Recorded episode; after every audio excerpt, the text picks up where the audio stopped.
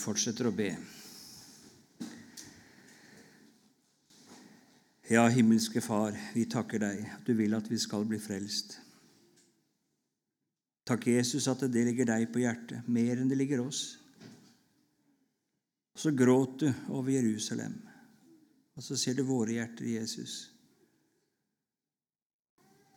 Men du gråt over en by som du gjerne ville samle. Du ville så gjerne frelse, og takk at du er den samme også mot oss. Og nå ber vi, tal til oss. Dra oss inn til deg. Det er så godt hos Gud, sang vi der. I syndenes forlatelse. I fred med en god samvittighet. Rettferdighet. Og der ville du ha oss, Jesus. Og dra oss inn til deg.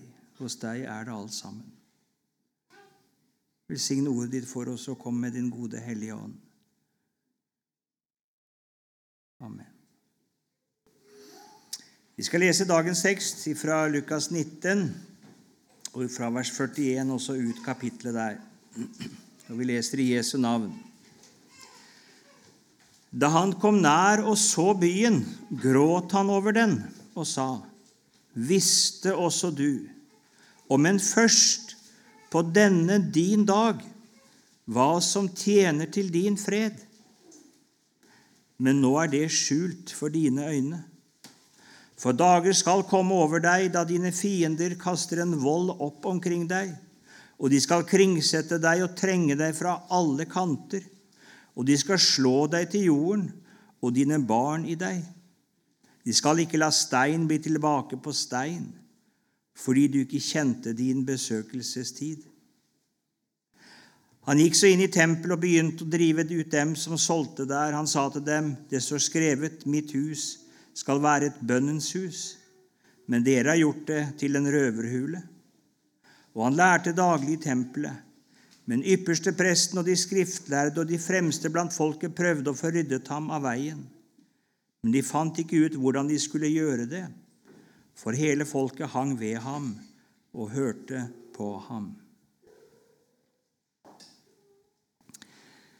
Det er liksom litt feil årstid, for det som vi leste her, det er jo palmesøndag dette skjedde. Og For oss er det på våren, og det var jo vår i Israel også. Jesus han rir inn til Jerusalem fra Betania, over Oljeberget og ned der. Dere som er til Israel, har gjerne stansa der på vei ned fra Oljeberget. Dominus flevit heter det. Jesus gråt, Herren gråt. Bygd et kapell der. Da det ryktes i Jerusalem at Jesus fra Nasaret han kom, og en stor mengde fra byen hadde dratt ut for å hylle han og rope han ut som Israels konge. Og Det må ha vært en stor dag for disiplene. Det har ikke vært så lett nå. Da de dro opp til Jerusalem, så sa Philip det. Ja, la oss dra opp og dø med han. Det var sånn motstand og Det var så vanskelig at de tenkte at nå er det slutten. Drar du til Jerusalem, så er det slutten. Og så er det som det har vendt seg. Sånn oppleves det. Jesus rir inn, og folkemengden jubler, de legger palmegreiner, og det er, det er eh, en stor fest. Fariseerne reagerer på dette. De syns det er urett av Jesus å la seg hylle som konge. Og da svarer Jesus om disse tider så skal steinene tale. Og Det er noe av det Jesus refererer til her. Jerusalems steiner de kom til å tale 40 år seinere. Da gikk de ord som Jesus talte her, de domsord han forkynte her i Jerusalem, da gikk de i oppfyllelse. Og det ble ikke stein tilbake på stein. Jerusalems murer ble revet ned. Det fantastiske tempelet ble jevna med jorden. Og så ropte steinene. De ropte om at de hadde forkastet Han som kunne frelse. Og så sto bare dommen tilbake. Jeg vet ikke om vi tenker så ofte på det, men nå er det slik at Gud har talt til oss gjennom sitt ord. Men dette ordet er et levende ord og det er også virksomt i historien og i naturen og i det som skjer omkring oss. Det vi opplever av uvær, katastrofer og krig, Det er steinene som taler. Jeg vet ikke om du tenker på det. Det er steinene som taler. Av og til helt bokstavelig. De kommer rasende nedover fjellskrentene og jevner hus og bygder. Det er steinene som taler. Det er ingen tvil om hva slags tale som lyder i vår tid. Ikke bare her i Norge, men over Europa og rundt omkring. Det er en veldig domstale. Det er ødeleggelse. Det er et kall til frelse fra Guds dom mens det ennå er tid. Jesus var konge. Han var Israels konge. Han var nok ikke en sånn konge som folkemengden denne dagen ventet. De tenkte at endelig så skal Jesus bli det som vi har ventet. Endelig så skal han ta den plassen som vi har tenkt. Han skal gjenreise Davids kongedømme. De venta ikke det at denne kongen han skulle lide, og så skulle han dø på et kors. Og Likevel de gjorde rett i å hylle ham som en konge. Og Jesus lar seg hylle som konge, for det er rett. Han er konge. Han er den frelserkongen som profeten hadde forkynt, og som det står om i Zakaria 9,9.: Rop med fryd, Sions datter, rop høyt, Jerusalems datter. Se, din konge kommer til deg. Rettferdig er han og full av frelse. Fattig er han og rir på et esel, på den unge eselfolen. Denne dagen kommer ikke Jesus med dom. På ingen måte kommer han med dom. Han forkynner en kommende dom, men han kommer ikke med dom. Det er en nådedag for Jerusalem. Han kommer med frelse. Rop med fryd. Rop høyt. Sånn sa profeten at Jerusalem skulle ta imot frelseskongen. Sånn var det rett å ta imot han. Og det ser jo sånn ut på denne dagen at Jerusalem de kjenner sin besøkelsestid, og de tar imot han. Men vi kjenner historien. Det går bare noen dager, og så lyder et annet rop. Bort med ham. Korsfest. Gi oss. Og Jesus kjente Jerusalems situasjon. Han visste at det som skjedde nå på palmesøndag, det var ikke noe vendepunkt. Det var ikke slik at nå hadde Jerusalem omvendt seg, og nå tok de imot han som de tidligere ville steine. Nei, det var bare et forspill til det endelige anstøt og frafall. Denne gangen æret de ham med leppene, men hjertene de var fortsatt langt borte fra Jesus. Derfor er det slik at når Jesus kommer nær til byen og ser utover den, så er han ikke fylt av glede. Han er fylt av veldig sorg, en veldig sorg. Og han begynner å gråte. Og han sier, 'Visste du, om enn først på denne din dag' Dette er virkelig Jerusalems frelsesdag. Dette er Jerusalems besøkelsesdag. Og visste du om omvendt først nå hva som tjener til din fred. Men nå er det skjult for dine øyne. Og du kan tro de hadde forventninger til Jesus. Det hadde de. De var, begeistret for Jesus. Det var de. Og likevel så gråter Jesus, for de kjenner han ikke. Og de kjenner ikke til hva som tjener til deres fred. At den freden lå i å ta imot Jesus som stedfortreder syndebærer. Nei, det var fremmed. Jesus skulle hjelpe dem, han skulle styrke dem. Men at han skulle dø for dem? Nei. Fariseerne, de skriftlærde, de satte sin lit til hva Gud skulle utrette i dem og gjennom dem. Dere så stå til Guds, sto til Guds forvandlende og nyskapende kraft i deres liv. Og så skulle det bane vei for Messias sitt komme. Når han kom, så skulle han utgå av dem. Han skulle på en måte være det ypperste av dem. Og så skulle det bli fred og velstand for Israel som i Davids dager. Det var deres tanker, hva som skulle tjene til fred. Og så passet ikke Jesus inn. Han ble ikke en av dem. Vårt folk og vi som sitter her i dag, vi har også tanker, tror jeg, om hva som tjener til vår fred. Hva som skal gagne oss som folk, som skal gi oss lykke, gode dager. Og jeg er redd at det er med oss som Jerusalem. De tankene er langt borte fra Guds ord. Jeg skal ikke gå inn på hva politikere og samfunnsledere tenker skal tjene oss til fred. Men det er ikke vanskelig å si at det er langt, langt borte fra Guds ord. Og Jesus gråter like mye over det. Det tjener mer til å dra Guds dom over oss enn noe annet. Men fariseerne de ville jo leve gudfryktig. De ville jo ikke på en måte ha en fred som var hvilt på synd og umoral. Nei, de ville jo virkelig leve med Gud. At de var utenfor, det kunne de vanskelig forstå. Sadukeerne, prestene, de hadde sin gudstjeneste, de hadde tempelet. Jesus rydder jo det denne andre gangen i sitt liv. Han gjør det jo helt ved starten av sin tjeneste, og sånn gjør han det igjen nå. Det var ikke det bønnehuset det skulle være, tempelet. Det var ikke et sted til omvendelse og tilflukt til Guds frelse. Det var ikke det. Man tenkte man hadde Guds velbehag ved å gjøre disse ting. Men noe soneoffer utover det hadde man ikke bruk for. Gjennom gudstjenesten og gudsfrykten sin så hadde man det man kunne sette sin lit til. Det er faren for oss Så si det. Vi vil være i en bibeltro sammenheng. Vi vil gjerne være gudfryktige.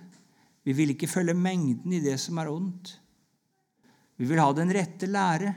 Og det er vel og bra, alt dette. Det er det. Men vi kan aldri bli frelst ved det. Aldri. Aldri. Det blir bare en høllete rettferdighet. Selv det Gud får virke i våre liv, kan du aldri stre fram for Gud med. Nei. Det var skjult for øynene på fariseerne og de skriftlærde hva som tjente det deres fred. Og Jesus så det, og han gråt. Han så hvordan det skulle gå med Jerusalem. Han så hvordan forblindelsen skulle bli fullkommen at de skulle forkaste han, og så skulle de i årene som kom nå, gang etter gang, så skulle de oppreise sine egne Messiaser. Og så skulle de gjøre opprør, og så skulle de bli knust. Først i år 70 og siden, siden ca. 60-70 år seinere igjen. Og det ble ikke stein tilbake på stein. Fordi du ikke kjente din besøkelsestid. Jesus forsto ikke at dette var frelsens dag. Dette var dagen som Herren hadde gjort. Dette var det som alltid Skriften samlet seg om og pekte fram mot. Nå var frelsens dag for Jerusalem. Nå besøkte Gud dem, ikke med dom, men med nåde. Nå gjestet himmelens Herre og Guds Sønn dem for å frelse dem ifra dommen. De forsto ikke det. Og de forsto ikke at det var dette som tjente til deres fred.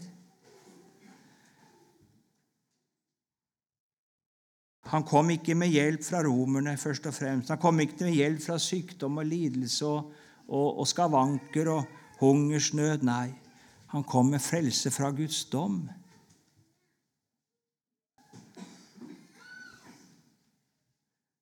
Jeg tenker av og til på det når jeg ser slike møter annonsert. Det skal være helbredelse, skal være en og andre. Ja, ja. Er det en selvfølge at man har det rett med Gud? Så det bør man ikke snakke om. Så det er liksom sykdommen min og plagene mine som er problemet. Nei, det er bare et symptom. Det er bare et symptom. Sammen som uvær og katastrofe bare et symptom. Det alvorlige er at jeg med min synd står under Guds dom.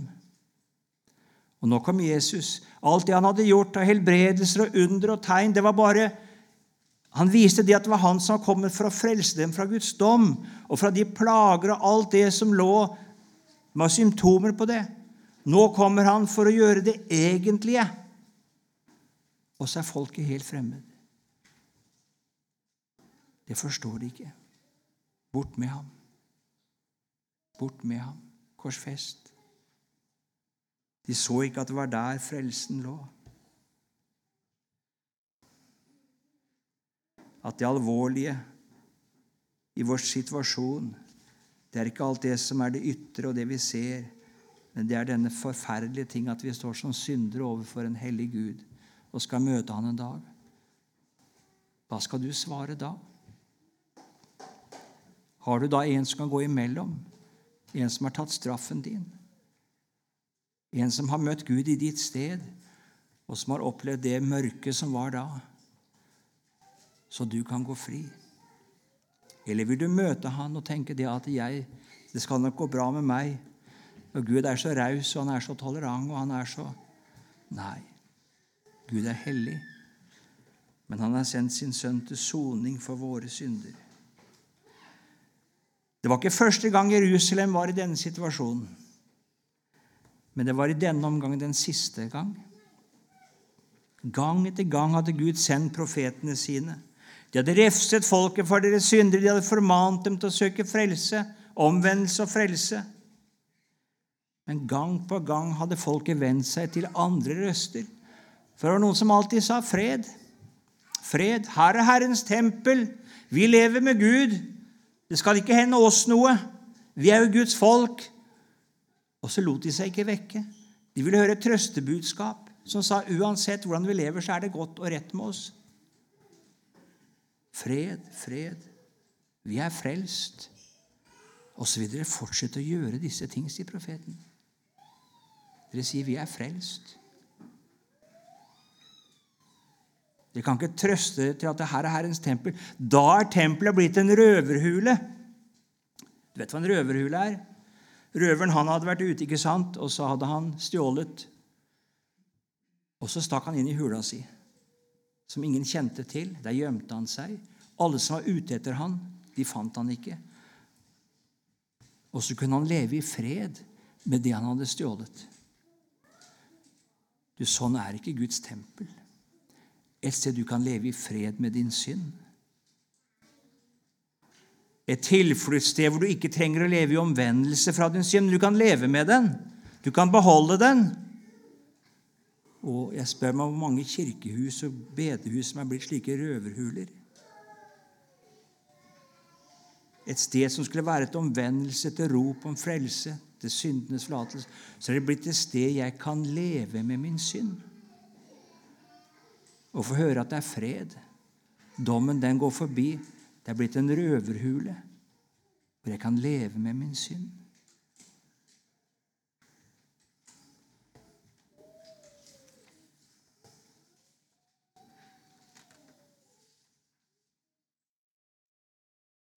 Den store hop av bekjennende kristne Jeg spør om det gjelder oss har slutta å sørge over sine synder og ta sin tilflukt til Jesus med dem.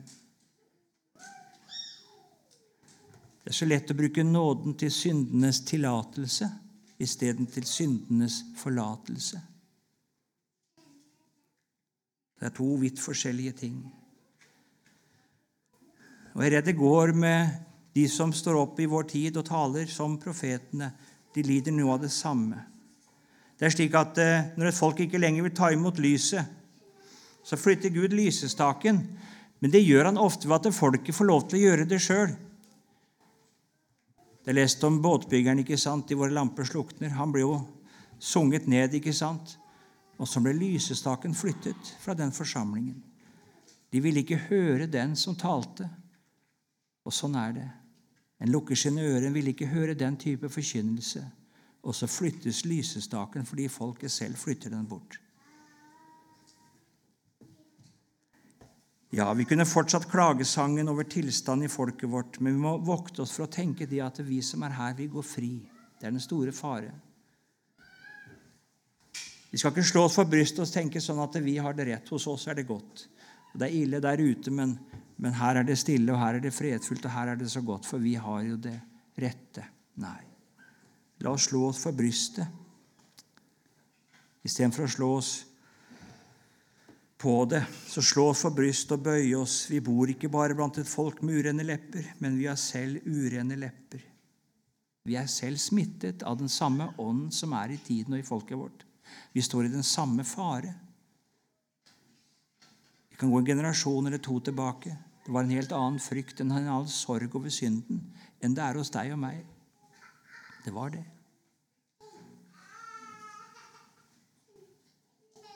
De hadde stått for Herrens åsyn og møtt han i hans velde på hans trone, og levde han nær. Vi lever mer fjernt, hver eneste en av oss. Og vi står i uendelig fare for å bare gli stille bort, mens vi har alt riktig. Det er den store fare.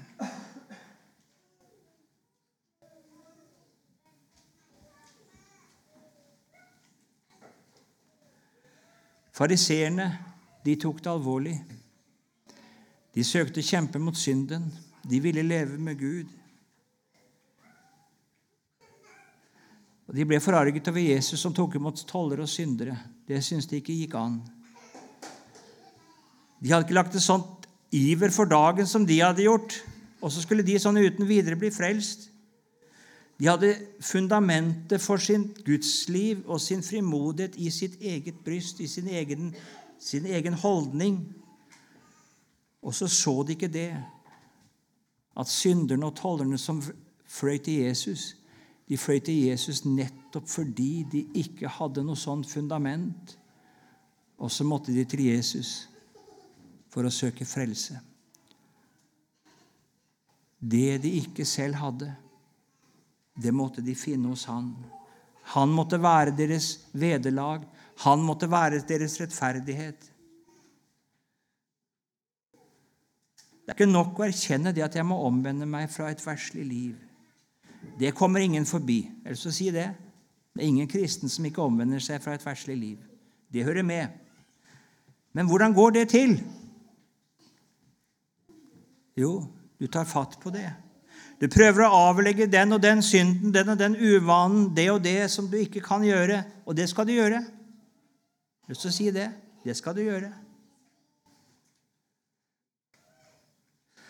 Men så erfarer du snart det at synden er ikke et plagg som jeg kan ta og så henge den opp på en krok og så legge den vekk, og så er jeg ferdig med den.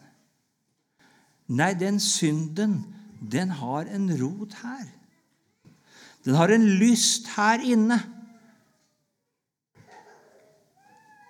Og så er det som et ugressarbeid som aldri tar slutt.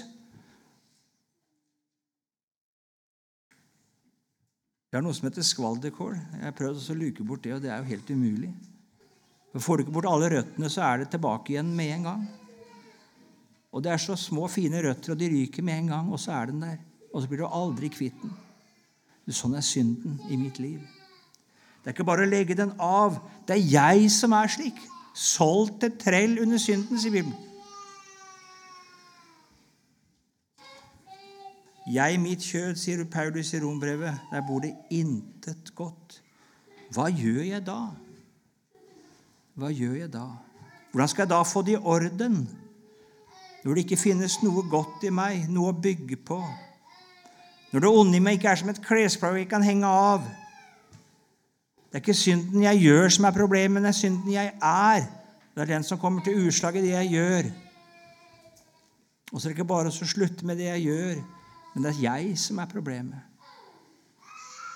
Og det er denne synden som jeg er, som skiller meg fra Gud.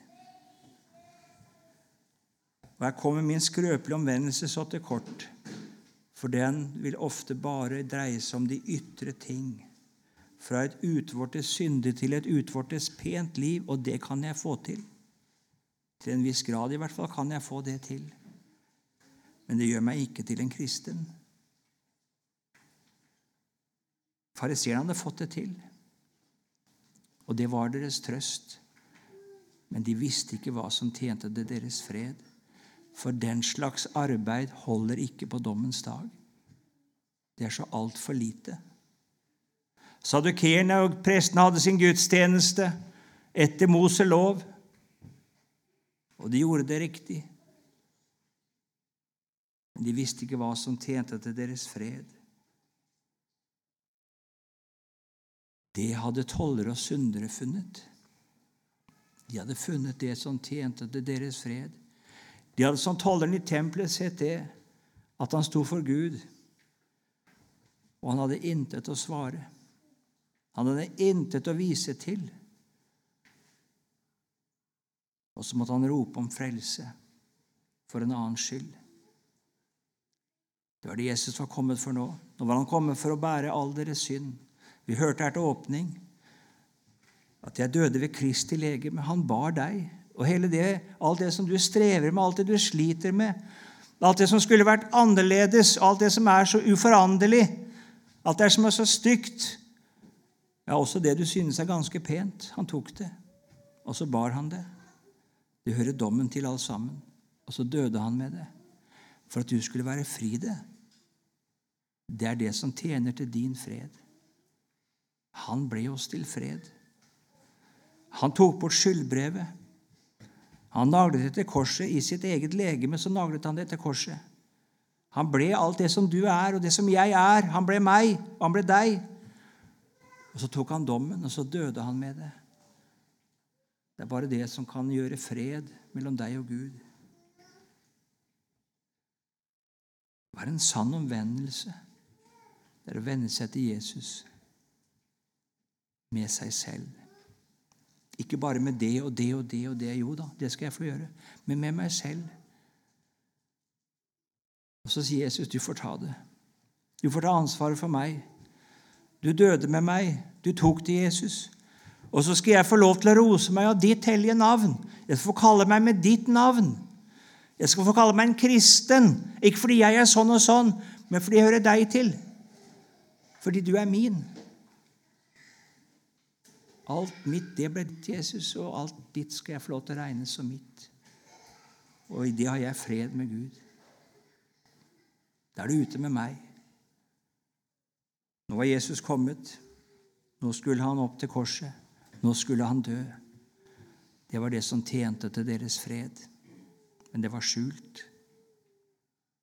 Han sier det tidligere en gang utenfor Jerusalem. Å, sier han, hvor ofte jeg ville samle dere Samle dine barn som en høne samler kyllingen under sine vinger. Men dere ville ikke. Og dere vet hva som er situasjonen Jesus tenker på. Han tenker på når er det høna gjør det? Når det er fare på ferde, så gjør høna det. Samler kyllingen under vingene. Når det er brann, så gjør hun det. Det er ikke få høner man har funnet i brann. Og så har man sparka til høna, som ligger der helt forsvidd og død. Og så under vingene så kommer det piplende fram kyllinger. Og sier Jesus, sånn ville jeg samle dere. Det var en frelsesdag. Denne din dag. Det var en besøkelsesdag. Du, Jesus er her i dag. I dag er nådens tid, sang vi. I dag er Gud å finne.